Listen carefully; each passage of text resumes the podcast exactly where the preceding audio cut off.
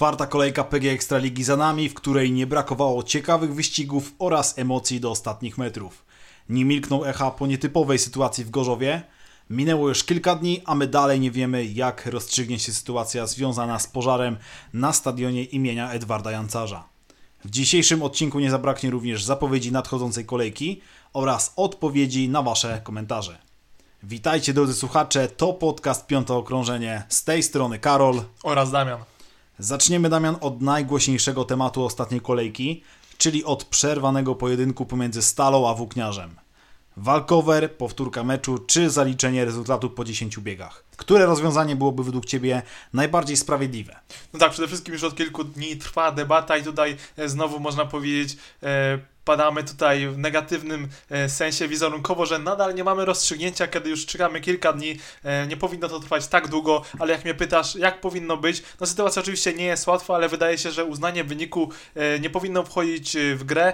Dlaczego? Pisał to na Twitterze chociażby Michał Korościel, że by dało to pretekst, wiemy jak to bywa w polskim sporcie, szczególnie w żużlu, że dałoby to pretekst do takich dziwnych wypadków nieraz innym klubom, gdy nie szłoby pomyśli. Uważa, że w ogóle to jest słuszne porównanie na przykład do lejącego deszczu, e, że to jest totalnie sytuacja losowa i powinniśmy to traktować tak, jakby właśnie ulewa przeszła nad stadionem i nie dało rady dalej, dalej e, e, tych zawodów kontynuować. Moim zdaniem nie jest to do końca trafne, trafne spostrzeżenie.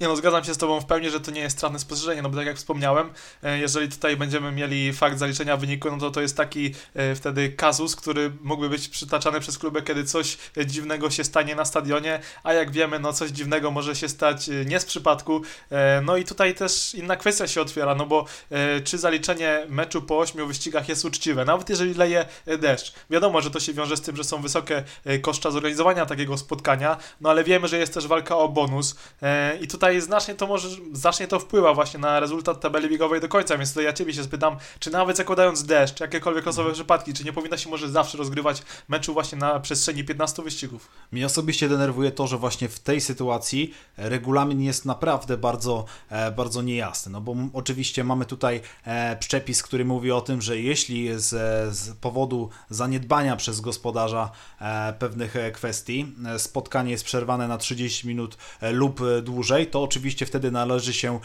walkover. Natomiast ta sytuacja jest naprawdę specyficzna, mm, co nie zmienia faktu, że moim zdaniem decyzja powinna być o wiele, wiele szybciej. Pytasz mnie tutaj, jeśli chodzi o rozegranie pełnego meczu, no to jest też ciekawa kwestia, no bo jeśli mamy mm, w przypadku, w przypadku właśnie e, kiepskiej pogody tylko na siłę właśnie dojeżdżać te 8 e, biegów powiedzmy do zaliczenia rezultatu, moim zdaniem jest to całkowicie mm, bez sensu. Tutaj na pewno nie będzie rozwiązania idealnego, e, ale jeśli goście, czyli Włókniarz Częstochowa, zespół, który jest w tej sytuacji można powiedzieć mm, no trochę, trochę poszkodowany, no bo mogliby się, mogliby domagać się walkowera właśnie ze względu na ten punkt regulaminowy, otwarcie otwarcie mówią o tym, że chcą to rozwiąza- że chcą to spotkanie e, powtórzyć i moim zdaniem e, byłoby to na ten moment najbardziej e, na rękę, jeśli chodzi o widowisko i jeśli chodzi o dobro całej ligi. No bo też nie możemy wiecznie kierować się tym takim przymykaniem oka, że powtórzmy spotkanie, dobra, tam odpuśćmy, nie, patrz, nie patrzmy na regulamin, może trochę przymkniemy oko, żeby tam nie dobijać jednych czy drugich. Mnie strasznie denerwuje takie e, podejście jeśli oczywiście zespół z Częstochowy mówi otwarcie o tym, żeby to e, spotkanie powtórzyć, no to moim zdaniem Marek Grzyb powinien nabrać trochę pokory, no bo te jego wypowiedzi są moim zdaniem totalnie bez sensu no w ogóle idealnym rozwiązaniem to by się chyba wydawało, że zacząć mecz od 11 wyścigu i dokończyć e, te 5 biegów, co jest, no ale jak, no to, tak, jak to, to, to, to jest bardzo dziwne, oczywiście nie do zrobienia, nie bo w praktyce... kibiców tak na 5 biegów, no to no byłoby bez sensu, organizować poza tym, ochronę i Poza tak tym też to zupełnie zmienia jakby przebieg meczu, no bo jak wiemy, e, mówimy, że Częstochowa może się rozpędzała, tak też Włókniarz się broni tutaj, że mógł to wygrać, no ale jeżeli mecz się zacznie od nowa, no to znowu będą zupełnie inne warunki i to jakby nie odda tego, w jakiej sytuacji było spotkanie, więc zgadzam się z Tobą, że najlepszym rozwiązaniem spośród tych wszystkich jest chyba powtórzenie meczu od nowa e, i tak powinno być. Jedyne, no tak, tutaj Michał Świącik moim zdaniem zyskuje naprawdę e, spory szacunek właśnie, że od razu nie, nie domaga się właśnie tego walkowera, chociaż rzeczywiście już się pojawiają głosy o tym, że goście pierwsze co włączyli stoper i liczyli te 30 minut, no ale... Ale kto wie, by nie liczył, no, tak, tak, tak. Wiemy, jak jest, wiemy jak wygląda batalia w Ekstralidze, wiemy, że tutaj liczy się e, każdy punkt, ale jeśli goście po meczu mówią otwarcie o tym, że chcą, chcą to spotkanie powtórzyć, no to moim zdaniem akurat gospodarze, do których, u których doszło do pewnych zaniedbań, no bo to też mówi się otwarcie o tym, że e, ten pożar to, nie, to też nie jest sytuacja totalnie losowa. Tutaj musiało dojść oczywiście do e, pewnego rodzaju zaniedbania. Właścicielem stadionu oczywiście jest miasto, więc też moim zdaniem wszystkie te wyliczenia, kwoty strat i tak dalej też są moim zdaniem wyolbrzymione, no bo to oczywiście e, wszystko będzie na kosztach miasta, a nie do końca klubu. No pozostaje nam trzymać kciuki, żeby ta sytuacja nie była przeciągana w nieskończoności, żeby jak najszybciej zapadła decyzja e, oraz potencjalne powtórzenie meczu, no bo e, też widzimy tutaj, że tak powiem, jak e, biurokracja po pozwala Maksymowi Darbikowi jeździć cały czas w meczach, kiedy wiemy, że tutaj przewinił, jeżeli chodzi o antydopingowe zasady i, nie, i nadal nie, sytuacja jest nierozstrzygnięta i takiego czegoś nie lubimy, jest to negatywna kwestia. No tak, chyba najbardziej właśnie irytujące w tym wszystkim to jest to, że właśnie dalszym ciągu nic nie wiemy i teraz będziemy e, prowadzili debatę. Mamy już kilka dni po tym e, spotkaniu i teraz co, no nie wiem, może do końca rundy zasadniczej będziemy czekać, jak się to wszystko ułoży punktowo i wtedy podejmiemy decyzję, że a dobra, ci nie mają szans na playoffy, ci już mają pewne miejsce, to tam przyklepiemy walkover. No nie, no to jest e, moim zdaniem śmieszne i 24 godziny to moim zdaniem jest maksymalny termin, w którym taka, taka decyzja powinna być podjęta, a my dalej nie wiemy nic. No tak, a przede wszystkim to było bardzo ciekawe spotkanie. No w ogóle cała kolejka była dotychczas najciekawszą ze wszystkich, no bo e, trzy z czterech spotkań e, rozstrzygały się w biegach nominowanych. Było naprawdę interesująco i największymi przegranymi te, tego e, przerwania meczu w Gorzowie są kibice tak naprawdę, no bo czekały nas, czekało nas pięć biegów niesamowitych emocji, no ale na szczęście dostaliśmy też inne spotkania, które rozstrzygały się do końca. Mieliśmy właściwie wszystko w tej kolejce. Wygrał gospodarz, wygrał gość, był remis i był mecz niedokończony. No tak, jeszcze a propos tego spotkania w Gorzowie, to chciałem dodać, że zawsze mnie też mimo wszystko śmieszą takie przewidywania, że a tam e, Macyn się rozjeżdżał, ktoś tam, e, ktoś tam się spasował i tak dalej i to by się skończyło tak czy siak. No słuchajcie, no, no nie jesteśmy, e, żaden z nas to wróżbita maci, także takie przewidywania też moim zdaniem są totalnie pozbawione logiki, no bo to jest to jest y, totalnie zaprzeczenie samego ducha sportu. No nie wiemy, jakby się e, to wszystko rozegrało w nominowanych, więc też nie ma co podejmować decyzji na zasadzie przewidywań, jak to spotkanie mogło się potoczyć. A że no, Gorzów by wygrał, to nie powtarzamy, ci mogli wygrać, to powtarzamy. Nie, no to też, to też jest dla mnie po prostu kiepskie. Że w ogóle należy pamiętać, że Włókniarz Częstochowa przed meczem był faworytem i to, jak Stal Gorzów rozpoczęła ten mecz, no to było dosyć e, zdziwieniem, więc e, oczywiście tutaj e, niektórzy mogą snuć jakieś e, teorie spiskowe, ale no, nie, nie wygląda na to, to, żeby Stal Gorzów zrobiła to specjalnie, no bo prowadziła w meczu, w którym nie była faworytem, także e, odstawmy na bok teorie spiskowe i miejmy nadzieję, że e, nigdy już nie zdarzy się żadna taka e, przypadkowa, losowa e, sytuacja. E, no i ogólnie omawiając tutaj czwartą kolejkę, jak zawsze wybieramy antybohaterów i bohaterów. Tak ja od razu już tutaj na wstępie powiem, że moim antybohaterem jest właśnie ta rozdzielnia, która zabrała nam te e, widowisko i teraz daje tę niepotrzebną debatę, która trwa już od kilku dni. no ale teraz przechodzimy też dalej, no było wiele innych meczów, meczy i wiele innych e, ciekawych starć. Także Karol, e, teraz ja Ciebie spytam, kto jest Twoim antybohaterem? Zaczniemy od tych negatywnych e, kwestii.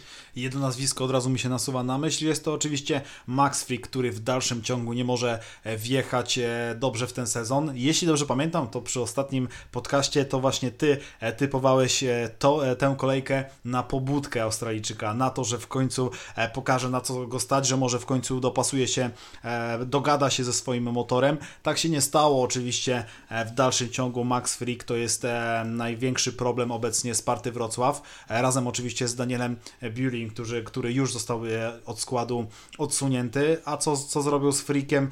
Ciężko powiedzieć, czy tu może pomóc jakakolwiek, nie wiem, rozmowa, może wskazówki sprzętowe od kolegów, no bo Australijczyk w ogóle nie może się do, dogadać ze swoimi motorami, nie może się dogadać z torem i wygląda na ten moment naprawdę, naprawdę słabo, mimo że oczywiście umiejętności ma i tego nie możemy mu odejmować, ale na ten moment nie widzę, e, nie widzę jakiegokolwiek powodu, dlaczego ta sytuacja miałaby się zmienić. Zgadza się, Max Wilk jedzie poniżej swojego potencjału i zgadza się, że ja go typowałem jako niespodziankę, e, no bo jest kilku zawodników, których zawodzi od początku sezonu, no i niektórzy w tej kolejce pokazali jakby, e, że potrafią jeszcze odpalić, chociażby Antonio Lindbeck czy Szymon Woźniak pojechali lepiej niż pokazywali to w poprzednich spotkaniach.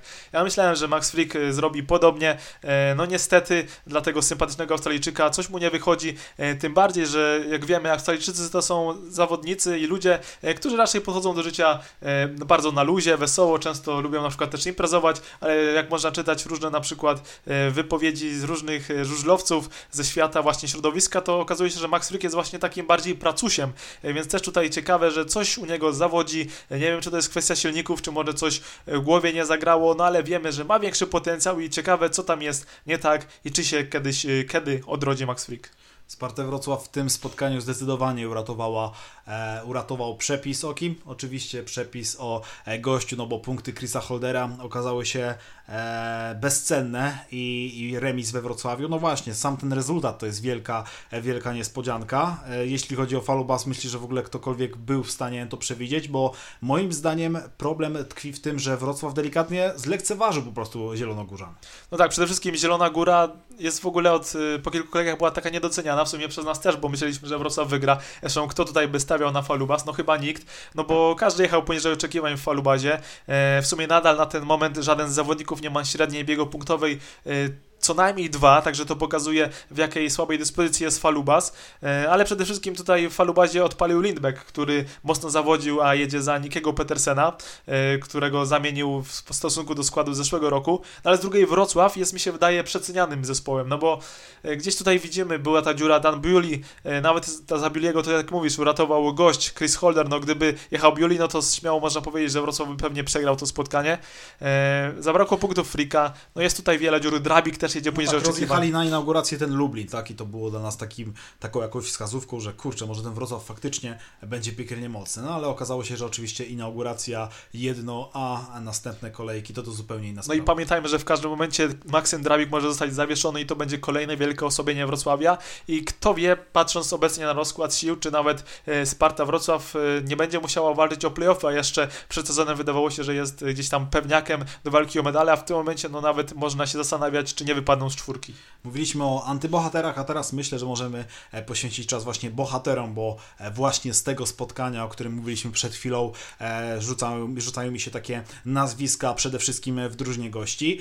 Można tutaj pochwalić Piotra Protasiewicza, można pochwalić Norberta Krakowiaka, którzy dali naprawdę mm, niezły popis, jeśli chodzi o indywidualne występy, ale bohaterem tego spotkania moim zdaniem oczywiście jest Słowak Martin Waculik, ze względu na to, że ten ostatni bieg, gdzie jak dobrze wiemy musiał odpierać ataki e, trzykrotnego mistrza świata Taja Wufindena i mimo wszystko na tym ostatnim łuku już e, mogliśmy e, widzieć o tym, że Brytyjczyk podejmie skuteczny atak, ale, ale świetna defensywa mm, ze strony Waculika, no i podział, podział punktów. Także jeśli chodzi o bohatera, oczywiście jedna wpadka w postaci tego upadku, który, który tutaj mm, zakończył tamten bieg remisem 3 do 3. Wacolik szybko wstał, szybko się otrzepał i zjechał na murawę, więc to też e, zachowanie godne pochwały. No oczywiście upadek był tutaj spowodowany e, defektem, ale też na przykładzie Słowaka widzimy, że ten zawodnik się e, wolno rozkręca w tym sezonie i być może to jest właśnie pokłosie tego, co ostatnio mówiliśmy w podcastie piąte okrążenie, czyli specyfika tego sezonu. Brak sparingów, brak wielu testów, także obserwujemy jak to kolejni zawodnicy tak naprawdę dopiero zaczynają wchodzić w sezon.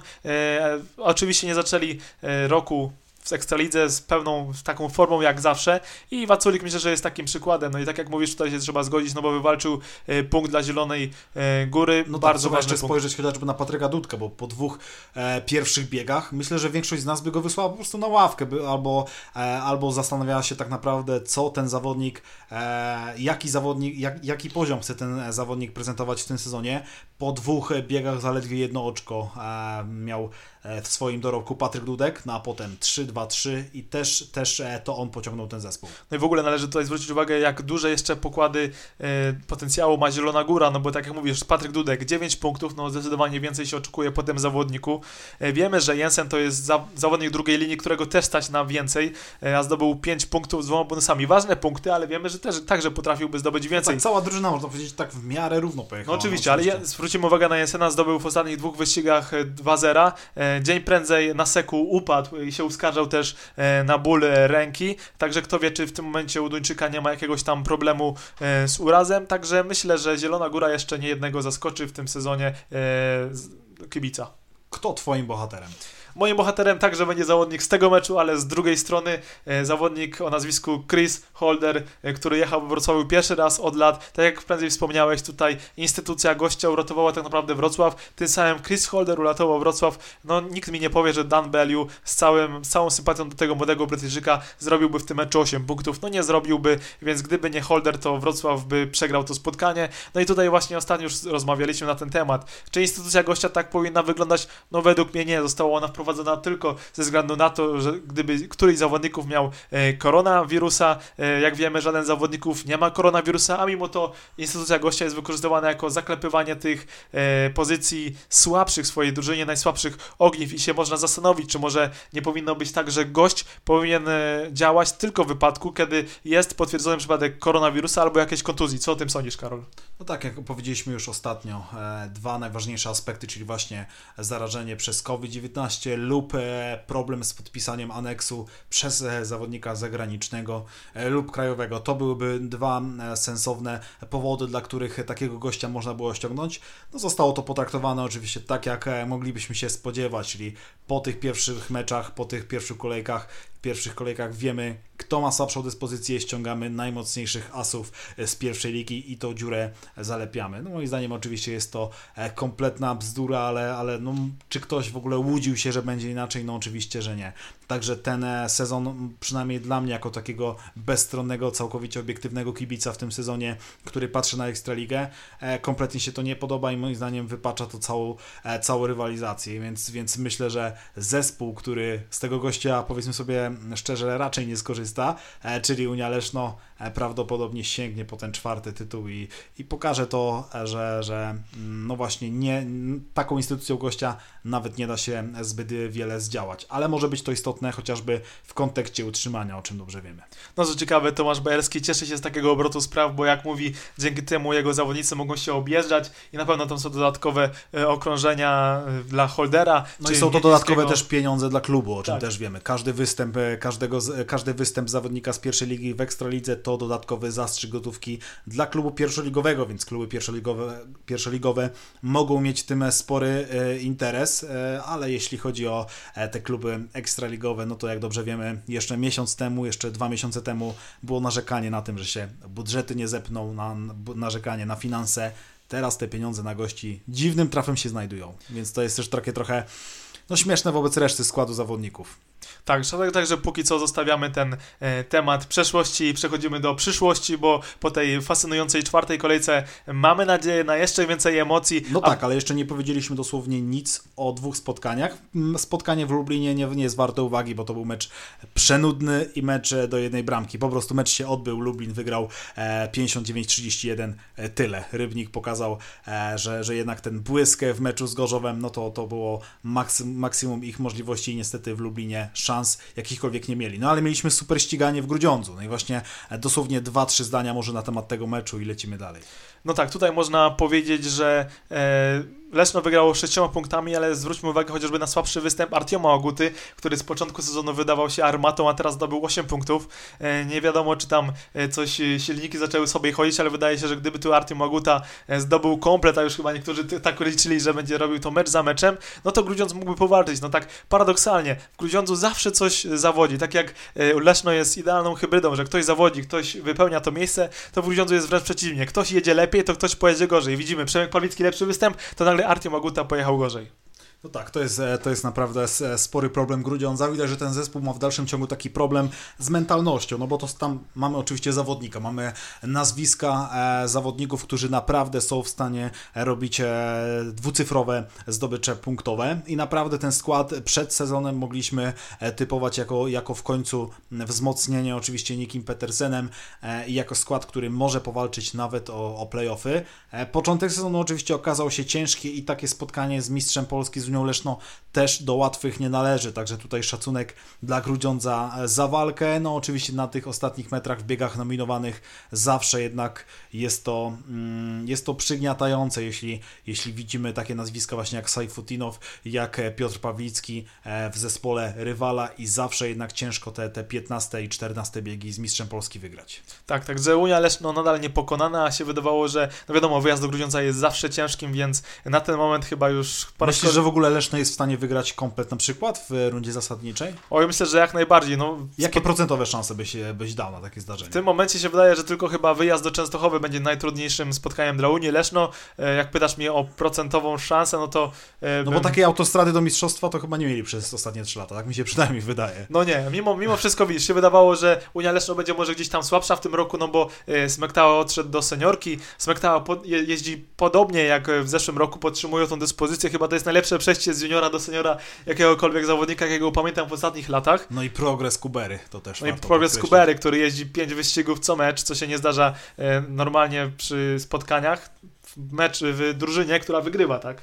No tak, tutaj naprawdę trzymamy kciuki za to, żeby, ta, e, żeby ten rozwój był jeszcze większy i właśnie też trochę obawiam się o Bartka Smektałę, czy, czy tutaj jednak to ten przeskok do, do e, wieku seniorskiego nie będzie e, dla niego problemem, ale widać, że z każdym biegiem na Bartek nabiera pewności siebie, także na pewno jeszcze wiele, wiele pociechy Unia Leszno będzie miała ze swoich dwóch wychowanków. E, no tak, więc Unia Leszno idzie niepokonana, tak jak wspomniałem, no czekamy na ten mecz w Częstochowie, ale zanim nastąpi ten mecz w Częstochowie, czekają jeszcze łatwiejsze e, przeprawy Unia Leszno i chyba najłatwiejsza teraz w najbliższych tygodniach to ta piątkowa, gdzie udadzą się do Rybnika, e, czyli jednego z outsiderów ligi. Mamy też spotkanie Wrocławia z Gruziądzem, a w niedzielę natomiast Włókniarz Częstochowa z Motorem Lublin oraz na deser, na zakończenie Zielona Góra z Gorzowem, czyli derby i to interesujące derby, bo też trudno przewidzieć tutaj wynik, bo Gorzów się rozpędził, co widzieliśmy Zielona Góra także na fali wznoszącej. E, także Karol, e, kto według Ciebie e, tutaj może być pewniakiem w tej piątej kolejce, chociaż myślę, że to jest pytanie retoryczne. Pytanie retoryczne, bo oczywiście pierwsze, e, pierwsze rzuca nam się na myśl to oczywiście spotkanie Rybnika z Lesznem e, i tutaj raczej niespodzianki być nie powinno, ale ja nie pójdę aż tak na skróty i wybiorę tego drugiego pewniaka, który, e, który będzie w tej kolejce, czyli oczywiście Włókniarz e, Częstochowa, zespół, który jest na ten moment e, swego rodzaju re, rewelacją sezonu. Włókniarz e, pojedzie na własnym torze przy ulicy Olsztyńskiej z zespołem Motoru Lublin i tutaj nie, nie spodziewał spodziewałbym się w żaden sposób e, innego rozwiązania niż e, zwycięstwo gospodarzy. Włókniarz jest w gazie, Włókniarz jest zespołem na ten moment, który przynajmniej na własnym torze, na wyjazdach również oczywiście będzie walczył, ale na własnym torze, jeśli ta druga linia jest spasowana i liderzy zrobią co należy, no i oczywiście bardzo mocna o siebie para juniorska, no to tutaj spodziewałbym się rezultatu, który pozwoli powalczyć nawet jeszcze o punkt bonusowy. Właśnie w przypadku pary młodzieżowej tutaj też może być bardzo interesująca rywalizacja, no bo mamy Świdnickiego i e, Jakubia, Jakuba Miśkowiaka. E, swoją drogą ostatnio trochę e, zawód, no bo jeden punkt tylko zdobyli w przerwanym meczu w Gorzowie. Po drugiej stronie mamy Wiktora Lamparta i Trofimowa, którzy się którzy byli drugą najlepszą parą juniorską w zeszłym roku, w tym trochę zawodzą, także e, obie pary juniorskie mają coś do, do udowodnienia e, i myślę, że tutaj też może być kluczowe. Jak, no tak, myślisz, jak to juniorzy. Jak Zawsze. myślisz, kto tutaj może więcej właśnie punktów zdobyć w tej parze juniorskiej? No juniorzy mają to do siebie, że często niestety ta forma jest dość nierówna. Potrafimy się w jednym e, meczu danym nazwiskiem zachwycać, dany zawodnik może zrobić dwucyfrówkę, a w następnym meczu przywieźć jeden lub Chyba, że to jest Dominik Kubera, tak? No tak, Kubera na ten moment nie zawodzi, więc jeśli miałbym tutaj stawiać na pojedynek tej pary juniorskiej, no to moim zdaniem a handicap własnego toru oraz ta pewność siebie przed własną publicznością zadecyduje i moim zdaniem para Miśkowiak-Świdnicki będzie w tym spotkaniu lepsza. Nawet jeśli, nawet jeśli by ulegli swoim rywalom e, z zespołu Motoru Lublin, to moim zdaniem nie wpłynie to znacząco na rezultat tego meczu. No tak, tym bardziej dla juniorów handicap własnego toru wydaje się e, ważniejszy, dlatego pewnie Świdnicki z Miśkowiakiem mieli gorszy swój występ właśnie na wyjeździe w Gorzowie e, i teraz się to e, może zmienić. Teraz z kolei ja przejdę do swojego pewniaka, którego także powiedziałeś, e, że takim się wydaje i chyba nikt tutaj nie ma wątpliwości. Unia Leszno wybiera się do Rybnika, no i chyba tylko można tutaj myśleć fakt, że wybierają się do Rybnika, to jest jakiś mały handicap dla Rowu, no ale Unia Leszno, no skoro y, potrafiła wygrać w Grudziądzu, no to wygra chyba już y, wszędzie, jeżeli chodzi o trudny teren. No Rybnik, outsider, jedynie udało im się wygrać z Gorzowem, a tak to przegrywają wszystkie spotkania i po czterech meczach mają w małych punktach minus 69. No tak nie będzie to raczej spotkanie, które zakończy się wynikiem naprawdę jakimś takim gigantycznym 20 e, do, do 70 czy coś takiego, ale myślę, że myślę, że Leszno od pierwszego biegu będzie to kontrolowało i na pewno może zobaczymy w, w końcówce e, właśnie jakieś roszady i odpuszczanie biegów przez liderów i zobaczymy właśnie pięć biegów Dominika, Dominika Kubery, to chyba to Może chyba nawet jak, Szymona jak Schlauderbacha, banku, Tak, wie. myślę, że też zobaczymy więcej startów Szymona Schlauderbacha. Może Kacper Pludra e, wyjedzie na tor, może e, zobaczymy tutaj właśnie jeszcze jakieś, e, jakieś roszady w składzie Piotra Barona. No wydaje się, że nawet Unia Leszno, gdyby chciała, to by mogła mocno zaryzykować, znaczy oczywiście tego nie zrobi, ale mówię teoretycznie i stawić na przykład y, Ray- Brady'ego Kerca i Jamiona Linceya do składu kosztem jednego z liderów, myślę, że i tak by e, byli faworytami tego spotkania. No i chyba tutaj trudno nawet wyrokować indywidualne zdobycze poszczególnych Albo zawodników. Kubera do seniorki na przykład. Albo Kubera do seniorka i wtedy Pludra ze Schlauderbachem na juniorce. No ale taka zabawa się oczywiście nie wydarzy. Z punktu kibicowskiego byłoby to interesujące, bo by gdzieś tam ten poziom drużyny się zbliżył. No ale y, to tylko pokazuje, jak to powinien być mecz bez historii. Wyobraź sobie taką sytuację, że Piotr Baron e, wystawia właśnie skład awizowany, a tam Licej, e, K- Kerc, e, Kubera, Smektała i na przykład właśnie Schlauderbach, a na juniorce zobaczylibyśmy właśnie Kacpra e, Pludrę. Co ty myślisz o Czyli- czymś takim? Czy Czyli, to byłoby naprawdę... czyli po prostu mówimy tutaj o meczu Row Rybnik kontra Rabicz, no bo jak wiemy Rabicz tutaj się posiłkuje jako zespół rezerw Unii Leszno i w takim, w takim składzie mógłby Rabicz wystąpić w drugiej lidze, więc e, no myślę, że byłoby to ciekawe, no i paradoksalnie byłoby to interesujący mecz, to chyba tylko pokazuje e, słabość Rybnika, a zarazem wielką e, siłę e, młodych zawodników z Leszna. Czas nas, godzi, czas nas goni, Damian, więc jeszcze po niespodziance sobie wymienimy, kto według Ciebie może być taką niespodzianką w, e, w tę piątą kolejkę. No tak, tydzień temu nie udało mi się trafić niespodzianki, bo szukałem tutaj przełamania Max Afryka. Tym razem idę trochę w pewniejszego zawodnika, bo Piotra Protasiewicza, który swoją drogą już ostatnie spotkanie pojechał bardzo dobrze, bo zdobył e, 9 punktów i także był trochę tutaj ojcem tego sukcesu, gdzie udało się wywieźć remis e, z Wrocławia. Widzimy, że mimo dużego wieku Piotr Protasiewicz nadal potrafi jeździć i jest e, no, liderem, trzeba śmiało to powiedzieć, jest nadal liderem falubazu. E, I tutaj myślę, że gdzie jak gdzie, ale na swoim torze e, także jest tą ostoją właściwie pewnym punktem, no i będą derby, no to e, wychowanek, kapitan, dla niego to jest mecz specjalny i myślę, że on musi zdobyć te ważne punkty, aby Falubas mógł triumfować na swoim torze. Z mojej strony, jeśli chodzi o niespodziankę, e, ja wybieram zespół GKM-u e, Grudziądz. Nie typowałbym tutaj z sensacji, tudzież e, właśnie jakiegoś, jakiejś takiej niespodzianki we Wrocławiu, bo gospodarze mimo wszystko będą faworytem, ale, ale GKM moim zdaniem może tutaj pokazać się naprawdę z dobrej strony, chociażby ze względu na spotkanie już rewanżowe i moim zdaniem GKM we Wrocławiu zdobędzie taki rezultat, który pozwoli im zgarnąć na własnym torze pełną pulę e, punktów, czyli 3. Dwa punkty meczowe plus e, bonus. E, Sparta po tym e, spotkaniu z Folobazem na pewno morale w tej, w tej drużynie nie będą za wysokie, a jeśli chodzi o GKM, no to tutaj zespół będzie podrażniony jednak, no bo pojechali naprawdę całkiem solidne spotkanie do tego 13 biegu z Lesznem, potem niestety, mm, niestety górą ukazał się mistrz Polski, także tutaj moim zdaniem GKM pojedzie naprawdę na pełnym gazie i w pełni zmobilizowany pokaże na co ich stać i na Stadionie Olimpijskim zobaczymy ściganie, które moim zdaniem może również rozstrzygnąć się e, w biegach nominowanych. No chyba, że naprawdę tutaj Andrzej Rusko z Krystyną Kloc wejdą do szatni i zrobią naprawdę e, wielki porządek i przywrócą cały zespół do ładu, co moim zdaniem e, na ten moment będzie, będzie ciężkie, no bo widzimy, że w końcu po tych wielu, wielu latach budowania składu tego młodego, mł- oparty na młodych talentach, coś jednak w tej Sparcie się, się wyczerpało i nie wiem, czy, czy ten projekt właśnie w tym roku się nie zakończy. W ogóle będąc przy Grudziądzu, wydaje się, że GKM e, w tym roku może po raz kolejny wygrać mecz wyjazdowy w Ekstralidze i tutaj nie mówię nawet o meczu w Rybniku, ale także z jakimś e, innym rywalem.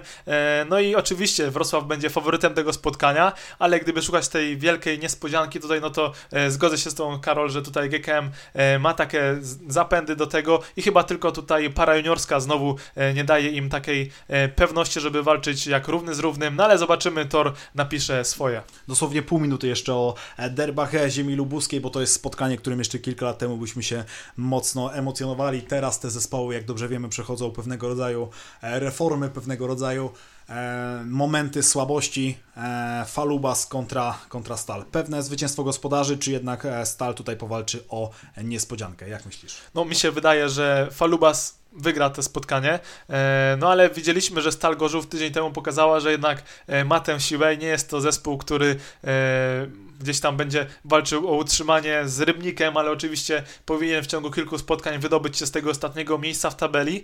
No i a Falubas jednak walczy też o te playoffy, więc jednak są to drużyny dwóch różnych poziomów i tutaj zdecyduje przede wszystkim handicap własnego toru. Gdyby to było w Gorzowie, bym tutaj miał większe wątpliwości, ale jeżeli jedziemy w Zielonej Górze, Falubas także na fali, także stawiam zwycięstwo gospodarzy. Czyli zero dalej w tabeli przy, przy Stali Gorzów. Tak jest. Nie sądzę, żeby to w tym momencie miało się zmienić. Okej, okay, pytania e, po ostatnim e, podcaście. Dwa pytania, jedno pytanie, nie, nie pamiętam ile tam. W sumie jedno pytanie, mhm. ale tutaj możemy przytoczyć komentarz użytkownika Barty, który pisze, e, żebyśmy coś powiedzieli o naszych faworytach w pierwszej i drugiej lidze żużlowej mhm. i tutaj w tym momencie możemy e, od razu zapowiedzieć, że następny odcinek będzie poświęcony tylko pierwszej e, lidze, e, nagramy go znowu w studiu. I prawdopodobnie w czwartek wieczorem się pojawi. Tak jest, tak prawdopodobnie w czwartek wieczorem, więc będzie to dla Was idealna tutaj, tutaj porcja, taki niezbędnik przed startem pierwszej ligi.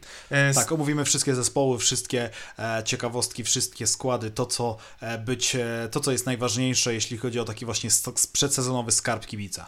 I tutaj na zakończenie dzisiejszego odcinka odejdziemy od ligi i tutaj tak samo się w to wkomponuje pytanie od Adriana Witka, który pyta, czy nie uważacie, że zawodnicy, którzy mają wystąpić w tegorocznym e, cyklu Speedway Grand Prix, e, nie powinni jeździć w SEC. Taki Zmarzik czy Madsen mogą zabierać cenne punkty zawodnikom, którzy będą walczyli o przyszłoroczny, przyszłoroczny start w Speedway Grand Prix. Rozumiem, że chodzi o podniesienie rangi zawodów i promocję SEC, ale trochę to nie fair w stosunku do reszty.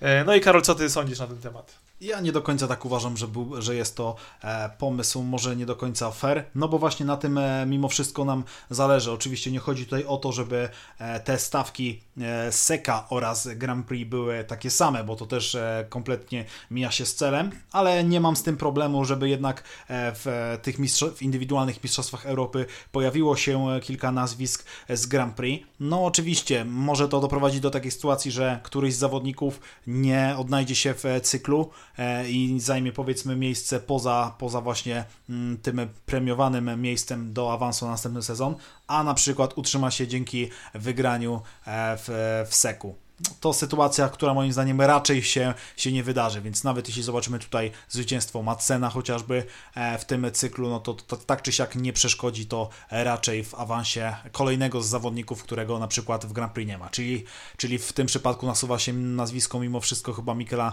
Mikkelsena, takiego najbardziej na ten moment e, zasłużonego zawodnika, którego w tym cyklu nie ma. No tak, gdyby w zeszłym roku były te zasady, które są w tym sezonie, no to Mikkel Mikkelsen byłby w Grand Prix i myślę, że na to jak najbardziej zasługuje. No ale też tutaj odnosząc się do pytania, no myślę, że SEC nie może sobie pozwolić na niebranie zawodników ze Speedway Grand Prix do swoich turniejów. E, już od lat e, jest wielka praca nad e, marką SECA i nadal ta praca trwa i trwać będzie przez następne lata.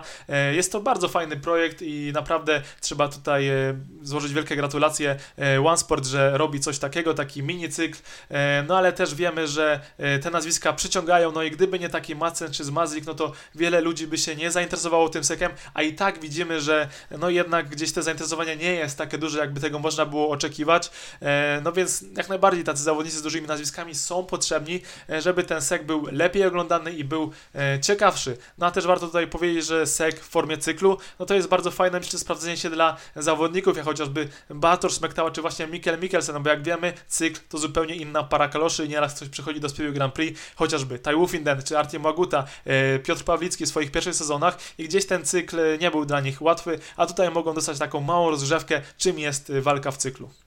Dziś trochę dłużej niż, niż co tydzień, ale mam nadzieję, że dotrwaliście do tego momentu. No i oczywiście dajcie znać w komentarzu, co wy sądzicie na wszystkie e, tematy, które, które omówiliśmy, jak, e, jak widzicie sytuację właśnie kontrowersyjną dość w Gorzowie oraz e, jak widzicie najbliższe spotkania w PG Ekstralidze i piątą kolejkę. A na dziś to chyba tyle. Tak, dzisiaj wyjątkowo dłużej, no ale też chcieliśmy powiedzieć o minionej kolejce i Było gadać. następną. No a następny odcinek chcemy w pełni poświęcić e-winner pierwszej lidze zapleczu Ekstraligi, które rusza i także będzie interesujące, e, także na pewno nie będziecie zawiedzeni. Także bądźcie na naszym kanale czwartek wieczór, zapowiecie winner pierwszej ligi w formacie wideo.